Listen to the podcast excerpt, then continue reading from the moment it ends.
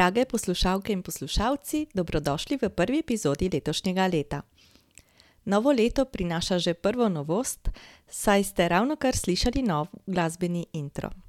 Avtor veliko bolj Pink Floydovske zvočne podlage je Peli iz podcasta Opravičujemo se za vse nevšečnosti in se mu lepo zahvaljujeva za nepričakovano darilo. Upam, da je tudi vam, poslušalcem, ta novost všeč. No, tokrat, kot slišite, bom z vami samo Dunja, saj se Maruša poslavlja od Avstralije. Pridružila se nam bo naslednji mesec ter nam mogoče razkrila, kje se je potepala. Decembrsko epizodo sva posvetili Soncu in zvezdam nasploh ter se od vas poslovili z nenavadnim žvižganjem, ki ga bomo sedaj vnovič poslušali.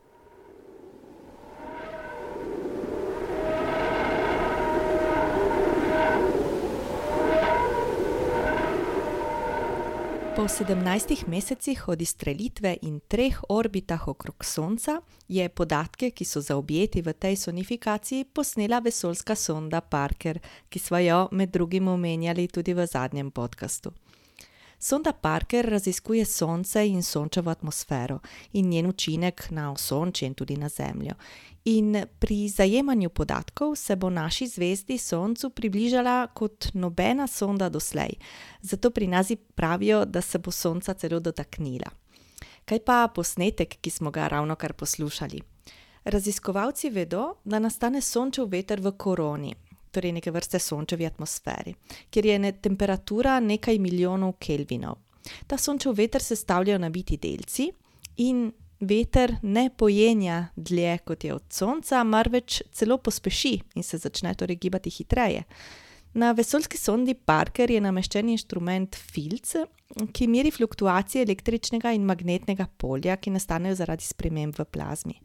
V do sedaj zbranih podatkih so raziskovalci odkrili veliko tako imenovanega žvrgolenja in žvižganja. Sonifikacija, ki smo jo ravno kar poslušali, je posledica elektronov, ki imajo zelo visoke energije. Ti elektroni se spiralno zavijajo okrog magnetnih ciljnic, ki se s Sonca raztezajo dlje v Osončje, in ko njihova frekvenca tega zavijanja sovpada s frekvenco plazme, se zasliši tako zvano žvižganje. Oziroma, če znova prisluhnemo, meni se zdi bolj to podobno nekemu pihanju skozi piščali.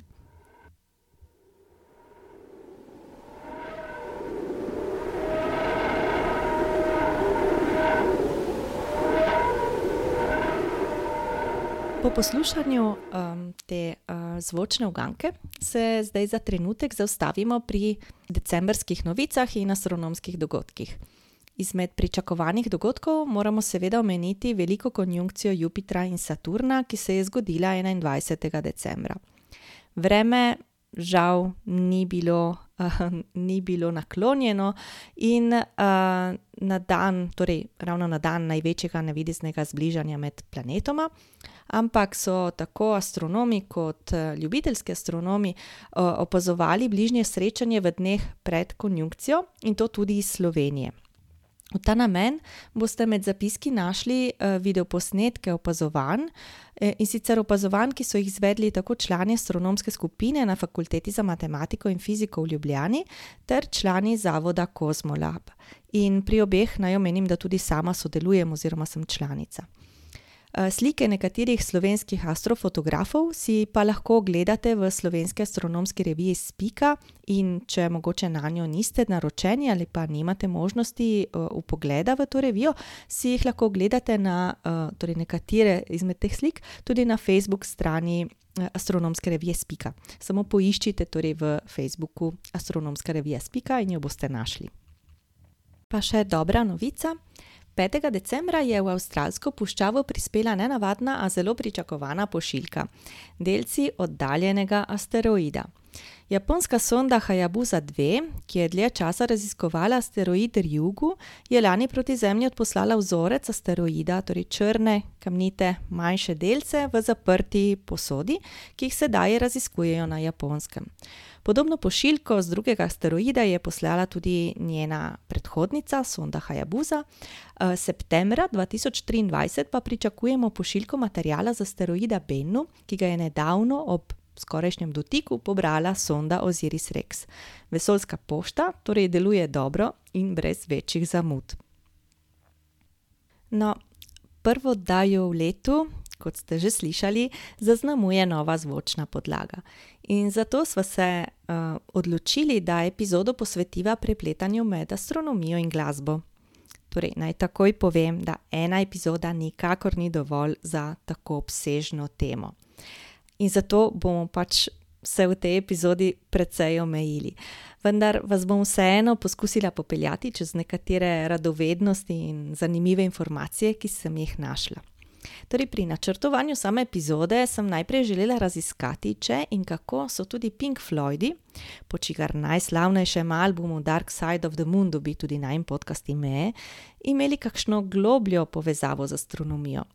Album je bil namreč izdan v letih takoj zatem, ko je prvi človek tudi stopil na Luno.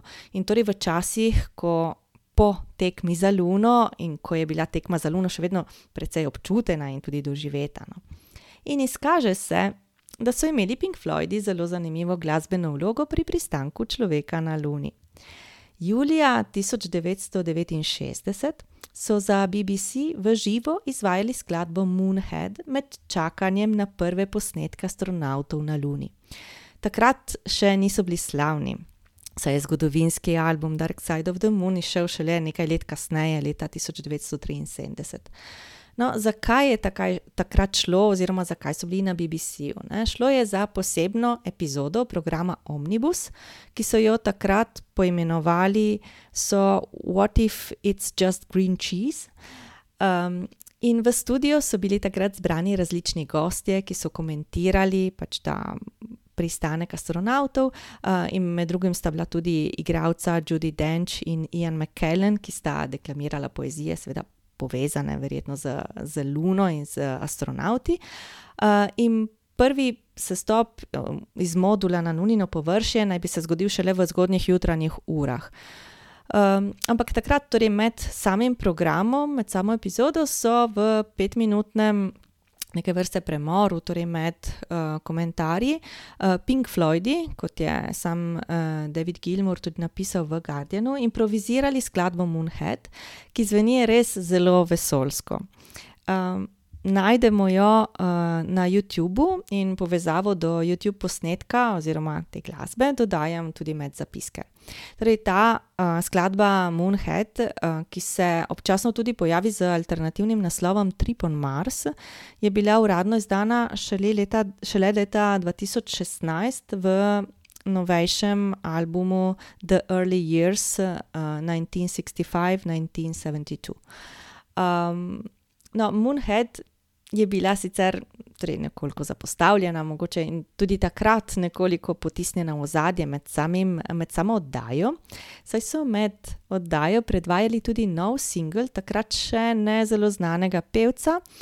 Um, in ta njegov singel je, ta njegova pesem je navdihnil, to njegovo pesem je navdihnil film 2001 Odiseja v vesolju, ki ga je režiser Stanley Kubrick osnoval na podlagi kratke zgodbe avtorja znanstvene fantastike Arturja C. Clarka. Uh, in če ste povezali to dvoje, torej Odisejo v vesolju in pa še ena pesem, ste verjetno že uganili, da je šlo seveda za Space Oddity uh, Davida Bowija. Torej, Bowijev singel je bil izdan manj kot teden dni pred izstrelitvijo astronautov misije Apollo 11 proti Luni in so to pesem uporabili tudi med oddajo. No, in še ena zanimivost s tem povezana. Um, na BBC-ju uh, so takrat mislili, da ustvarja pesem nekoliko negativno vzdušje in so zato raje počakali, torej preventivno je niso predvajali, razen v tej oddaji, in so raje počakali na to, da so se astronauti srečno vrnili iz misije. In šele potem no, se je singel končno povzpel na lestvico najbolj priljubljenih. No, uh, mogoče še, še kratka, krajša zanimivost. Z astronauti, kot verjetno že veste, potujejo v vesolje marsikaj. No, in 21. novembra 1988 je naprimer tudi kaseta z Pink Floydovim albumom Delicate Sound of Thunder um, na krovu Sojuza dospela na vesoljsko postajo Mir. Uh, takrat sta se izstrelitve udeležila tako David Gilmour kot Nick Mason, in slednji je uh, med drugim tudi posnel izstrelitev oziroma zvok uh, za morebitno uporabo v naslednjih projektih. No, kaseto so potem pustili na postaji Mir in se ni vrnila z, z posadko. Ob tem je David Gilmour tudi izjavil, da je to prvi posnetek rock glasbe v vesolju zdaj, ne glede na to, če ta izjava res drži ali ne, eh, so astronauti v vesolje, tako na vesoljsko postajo, kot tudi na potovanja proti Luni, večkrat popeljali s seboj glasbo. Um, in ne samo to, z glasbo se astronauti tudi radi prebujajo. Med, recimo med najbolj priljubljenimi um, pesmimi za prebujanje astronautov so bile v preteklosti, recimo Sinatrova, Come Fly with Me ali pa Elton Johnova, Rocketman, seveda. Uh, tako. No, uh, če se zdaj malo odmaknemo od Pink Floydov in Davida Bowija in se, um, se premaknemo ne k slavnim albumom, ampak k slavnim naslovnicam albumov, um, bomo opisala še kratko zgodovino ene izmed zelo znanih naslovnic znanega albuma. Torej, jaz verjamem, da ste jo v resnici že srečali, mogoče ne nujno v obliki kasete ali plošče, ampak tistino mogoče na kakšni majci. Gre namreč za naslovnico albuma Unknown Pleasure, prvega albuma, ki ga je posnela angliška rock skupina Joy Division in izdala leta 1979. Na njem so na temni podlagi znotraj enega manjšega pravokotnika narisane usporedne črte, ki spominjajo nekoliko na oris gora. Torej, vrh ali vrhovi so na sredini tega pravokotnika in se torej rahlo prekrivajo. Eh, na naslovnici ni ničesar drugega, ne imena skupine, niti imena albuma. In zakaj vam opisujem ravno to sliko eh, in kakšna je sploh povezava tukaj z astronomijo? No, pred časom sem naletela na zelo zanimiv članek, pravzaprav dva članka, ki sta bila objavljena v reviji Scientific American in uh, v katerih je avtorica Jen Christiansen raziskala, kdo je bil avtor omenjene ilustracije. Uh, torej, tisti, ki je izbral naslovnico za album, je bil grafični oblikovalec Peter Saville. Uh, in je ilustracijo najdel v enciklopediji The Cambridge Encyclopedia of Astronomy iz leta 1977. Te uh, vodoravne, usporedne črte, ti orisi gora, ki so zloženi v bistvu drug na drugega, so v resnici radijski signali prvega odkritega pulzarja. No, in tu se moram nekoliko zaustaviti pri pulzarjih samih in omeniti zgodovino njihovega odkritja. Torej, za zvezde um, z večjimi masami, torej začetnimi masami med približno 10 in 60 mas Sonca. Uh, za take zvezde torej se življenje konča v eksploziji, ki pravimo eksplozija supernove. Takrat se njihovo jedro, ki je sestavljeno v bistvu iz železa, sesede, preostali del zvezde, točneje ovojnica zvezde, pa raznese, eksplozija raznese v okolico. No, tukaj pa še ni konec zgodbe. Namreč to sesedanje jedra iz železa se uh, za te zvezde nadaljuje do trenutka, ko se celotni ostanek zvezde, ne, jedro, prelevi v zvezdo iz nevtronov. In jedro, ki je od začetka imelo le nekaj sončevih mas, se skrči v zvezdo z radijem le okrog 40 km. Um, torej, Te nevtronske zvezde niso podobne običajnim zvezdam in ravno zato so se dlje časa skrivale pred astronomi. Potreben je bil razvoj radijske astronomije, da so jih odkrili. Leta 1976 je doktorska študentka Jocelyn Bell Burnell z radijskim teleskopom v Cambridgeu odkrila utripajoči radijski zvor, ki je imel periodo približno eno sekundo ali malo več. No, tem objektom so že od vsega začetka dodelili ime Pulsar, kar je bilo skrajšano za Pulsating Star, torej utripajoča zvezda. Tudi zvezda v resnici ni utripala. Saj gre uh, v resnici za vrteče se nevtronske zvezde, ki nastanejo torej ob eksploziji supernove. In tukaj je potrebno povedati, zakaj jih lahko opazujemo. Torej, os, okrog katere se zvezda zelo hitro vrti, in os njenega magnetnega polja sta ena glede na drugo nagnjeni. Torej, vzdolž osi magnetnega polja nastaneta dva curka delcev, ki sta usmerjena v nasprotni smeri, in uh, zaradi teh delcev pride do oddaje sevanja. No, os vrtenja zvezde in curka torej se ne ujemata in zato zgleda pulzar neke vrste izredno hiter svetilnik, ne, uh, ki ga uh, radijski teleskopi lahko zaznajo v zelo kratkih zamikih. Torej, v primeru prvega pulzarja je ta hitrost. Um, Uh, hitrost, s katero se ta nevtronska zvezda vrti, tako, tako visoka, uh, da zasveti, oziroma da zaznamo njegovo sevanje v presledkih ene sekunde ali nekaj več. Na naslovnici albuma skupine Joy Division so torej podatki prve, prvega pulzarja CP1919, tudi ne podatki, ki jih je zbrala Jocelyn Bell Burnell, marveč podatki, ki, je, um, ki so bili um, torej izbrani z radijskim teleskopom Arecibo, ki se med drugim večkrat pojavlja v enem podkastu. Torej, če boste zašli v zapiske in prebrali članek v reviji Scientific American, boste odkrili, kako težavno je bilo razkriti, kdo je zares naredil ta prikaz, ki je postal eden izmed razpoznavnejših v glasbi. Torej, med odkritjem prvega pulzarja in začetkom 70-ih let so na Arecibu začeli uporabljati tudi digitalno tehnologijo za izpisovanje in izrisovanje podatkov. Podatke pulzarjev je takrat raziskovalo in pregledovalo veliko študentov znanega uh, astronoma Franka Drakea uh, in to je tisti slavni Drake iz Drakeove enačbe, ki sva jo, če se prav spomnimo, menili v prvem podkastu.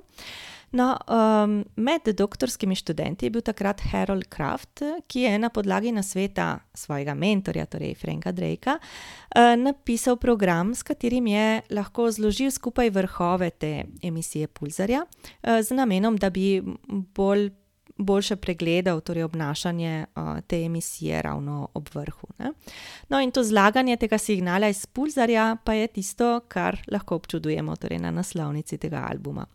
Harold Kraft je septembra 1970 svoje podatke tudi objavil, seveda v doktorski disertaciji, in šele kasneje, ko je bil objavljen album, je izvedel, da je na njem njegov graf v bistvu in zato je uh, Kraft tudi kupil album in zraven tudi še poster, če se ne motim. Torej, avtorica članka, ki sem ga zdaj na. Na hitro povzela, uh, je senior graphic editor pri reviji Scientific American in v svoja dva članka je vključila tudi video in audio izseke intervjujev, in zato res toplo priporočam branje in poslušanje um, vsega tega materijala. No, iz naše osrednje teme, ki sem jo tako nekoliko zaobjela in kot sem prej rekla, bi bila vredna še več in več epizod, uh, se sedaj premikam k predlogom oziroma priporočilom. No, v predlogih se je tokrat skladno z oddajo znašel glasbeni CD. In to mogoče nekoliko nenavaden, saj gre za zbirko slovenskih popevkov v vesolju, ki so izšle med leti 1962 in 1983. CD ima naslov Telstar od tod do vesolja in ga je pripravil znani slovenski glasbeni urednik Jure Longika, ki je na valu 202 tudi vodil oddajo z imenom Telstar. CD je nastal kot sodelovanje med Valom 202 in Centrom odličnosti Vesolje SI. Ja, to je isti center odličnosti, ki je lansko leto v vesolje poslal prvi slovenski mikrosatelit. Uh, in nastalo je torej ob srečanju umetnika Marka Pelhane, Pelhana, pardon, ki se giblje med umetnostjo in tehnologijo, in urednika Jureta Longike. Naj zdaj preberem kratek izsek uvoda, ki ga je napisal Marko Pelhan. Telstar uh, je bil navdih za Juretovo oddajo in za mojo radovednost o ponovnem vstopu vesoljske dobe in njenih obetov v popularno kulturo. Med raziskovanjem glasbenih pokrajin od 60. do zgodnjih 80. let je Jure odkril številne skladbe, ki so navdih iskale v tem krasnem novem svetu. Seznam je dolg, zamegljen in neznan, večina tega gradiva pa ni bila še nikdar objavljena na nosilcih zvoka. No, leta 2012 pa je bil objavljen ta CD, torej skoraj pred desetimi leti, če tako na hitro pomislim, in je, um, njegova objava je obeležila tudi več obletnic, saj je izšel ob petnajstletnici oddaje Telstar in ob uh, štirideseti obletnici uh, Vala dvesto dva. In med drugim tudi obeležil petdeseto obletnico izstrelitve komunikacijskega satelita Telstar ena. In kaj je ta komunikacijski satelit sploh počel? No, bil je prvi, ki je omogočil predvajanje v živo uh, za televizijsko sliko med Združenimi državami in Evropo. Več si pa lahko znova preberete v zapiskih, kjer sem dodala tudi intervju z Juretom Longiko o takrat izdanem CD-ju. Sedaj pa si še poglejmo, kateri astronomski dogodki bodo letošnjem januarju na na nočnem nebu. Torej, po veliki konjunkciji lanskega decembra se nam v letošnjem letu ne obetajo večji zgodovinski dogodki, žal, vsaj ne na našem delu neba. No, januar si pa lahko vseeno vzamete uh, za opazovanje zanimivih bližnjih srečanj, uh, ki bodo potekala v različnih dneh v januarju. Čez teden dni, uh, med nedeljo 10. in torkom 12. januarjem, si lahko manj kot nekaj manj kot uro po sončevem zahodu nad zahodno-jugozahodnim obzorjem ogledate Merkur in Jupiter. Če vas bo budilka dovolj zgodaj vrgla s postelje, si lahko na ponedeljek 11. januarja, uro predno vzide sonce, ogledate tanek lunin srp in Venero. Mogoče boste takrat opazili tudi pepelnato svetlobo, ki jo oddaja Luna. No, eh, pepelnata svetloba je pojav, pri katerem zaznamo tudi od Sonca neosvetljeni del Lune, to pa zato, ker se sončeva svetloba odbije od Zemlje in osvetli tudi proti nam obrnjeno lunino površino, čeprav ni torej direktno osvetljena Sonca. Kasneje, v sredo in četrtek 20. in 21. januarja, bo Lunin prvi krajec potoval v bližini Marsa. Ogledali si ga boste lahko zvečer, uro in pol po sončevem zahodu. Zraven bo sicer tudi uran, ki ga bodo lahko ujeli le tisti med vami, ki imajo na razpolago daljnogled ali teleskop. Za ostale zanimivosti, ki jih lahko letos občudujemo na nebu, predlagava knjigo uh, Glej zvezde, uh, najlepši prizori na nebu v letu 2021. Povezavo do knjige najdete ravno tako med zapiski. No, upam, da ste izvedeli kaj novega v tokratni epizodi. Svet glasbe in astronomije ima še veliko več prepletanj, zato bova o tem mogoče še kdaj drugič spregovorili. Tudi ta epizoda, kot sem večkrat omenila, vsebuje veliko uh, zanimivih povezav na članke in videoposnetke, tako da vas, če vas kaj še posebej zanima, vabim, da jih preiščete. No, pred pozdravi pa še nova zvočna uganka.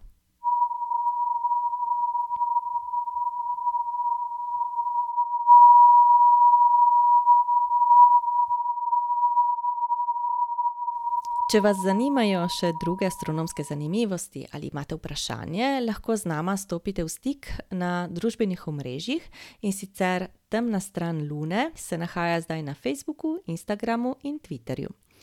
Veseli bova tudi ocen na Apple podcastu, vaša mnenja, predloge za naprej in vprašanja nam lahko tudi pošljete preko Google obrazca. Ta obrazec najdete v opisu podcasta in v zapiskih epizode. Vsem, ki ste se nama že oglasili, pa se lepo zahvaljujeva.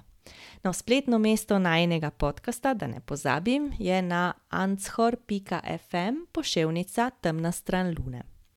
Avtor nove zvočne podlage je Peli iz podcasta Opravičujemo se za vse neušečnosti.